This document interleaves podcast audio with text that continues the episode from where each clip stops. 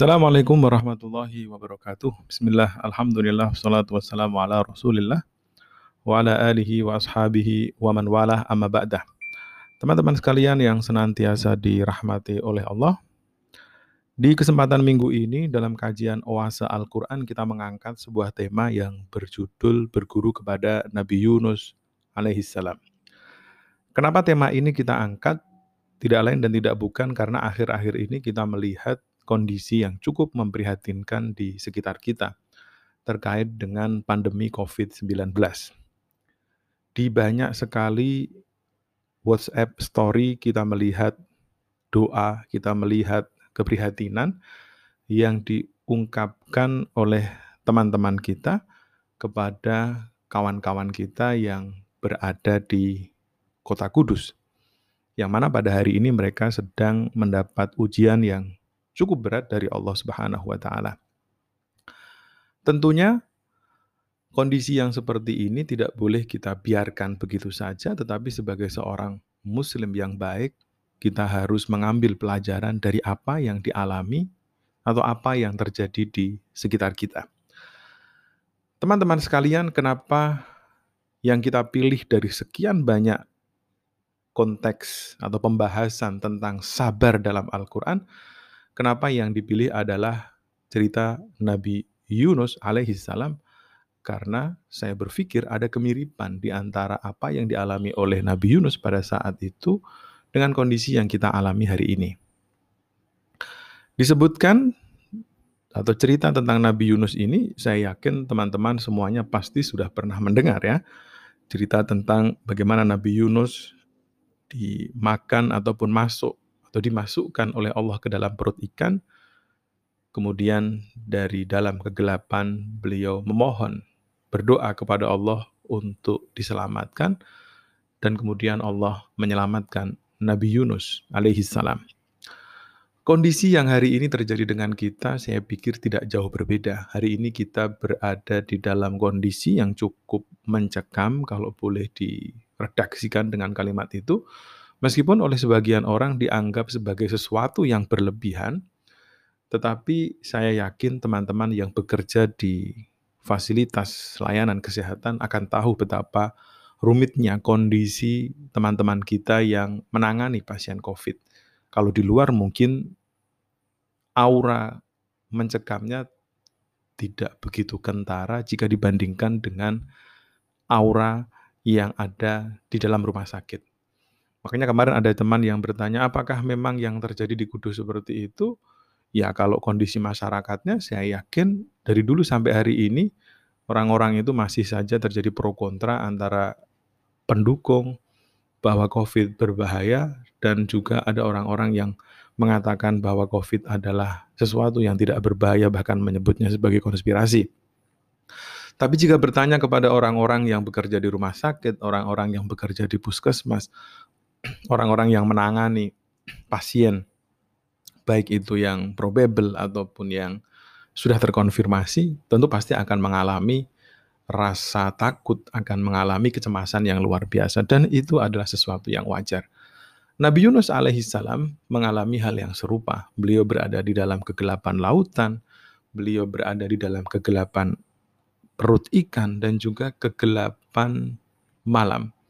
Yang dalam Al-Quran, teman-teman bisa simak ayatnya yang kemarin sudah kita bahas dalam surat Al-Anbiya, ayat 87 sampai dengan 88, Allah memberikan redaksi kegelapan yang berlapis-lapis.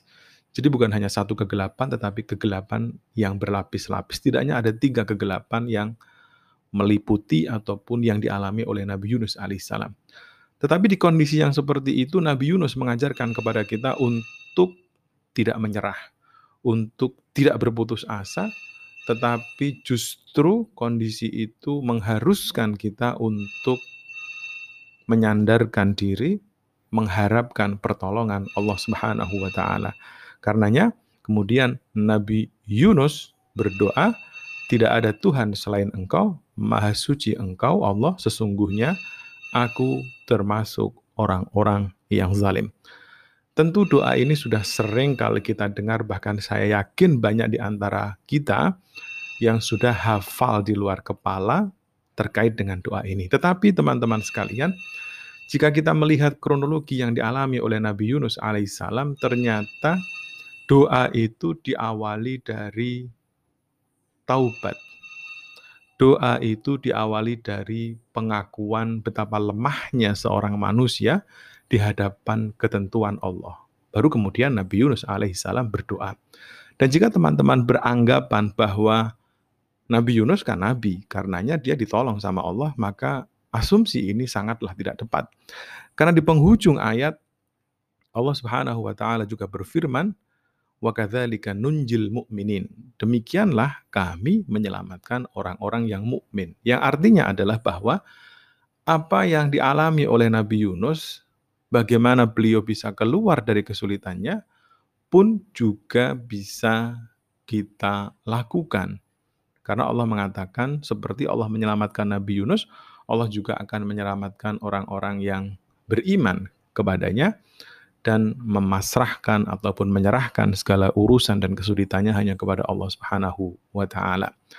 Dalam salah satu kesempatan eh, seorang ulama dari Mesir, dari Al-Azhar, Dr. Ahmad At-Thayyib mengatakan bahwa sebaik-baiknya obat untuk menyikapi kondisi pandemi COVID-19 adalah dengan bersabar. Apa itu sabar? Sabar adalah menahan diri atas apa yang tidak kita sukai dengan mengharap ridho Allah Subhanahu wa taala. Saya yakin tidak ada satupun di antara kita yang senang dengan COVID hari ini. Semuanya pasti merasa dirugikan. Tidak ada yang merasa diuntungkan yang sekolah juga dirugikan karena tidak bisa bertatap muka langsung dengan ibu dan bapak guru di sekolah. Yang berdagang pun juga saya yakin dirugikan karena omsetnya tidak seperti biasanya. Yang punya bisnis transportasi, travel, pariwisata pun juga mengalami kondisi yang sama. Semua mengalami kondisi yang sama.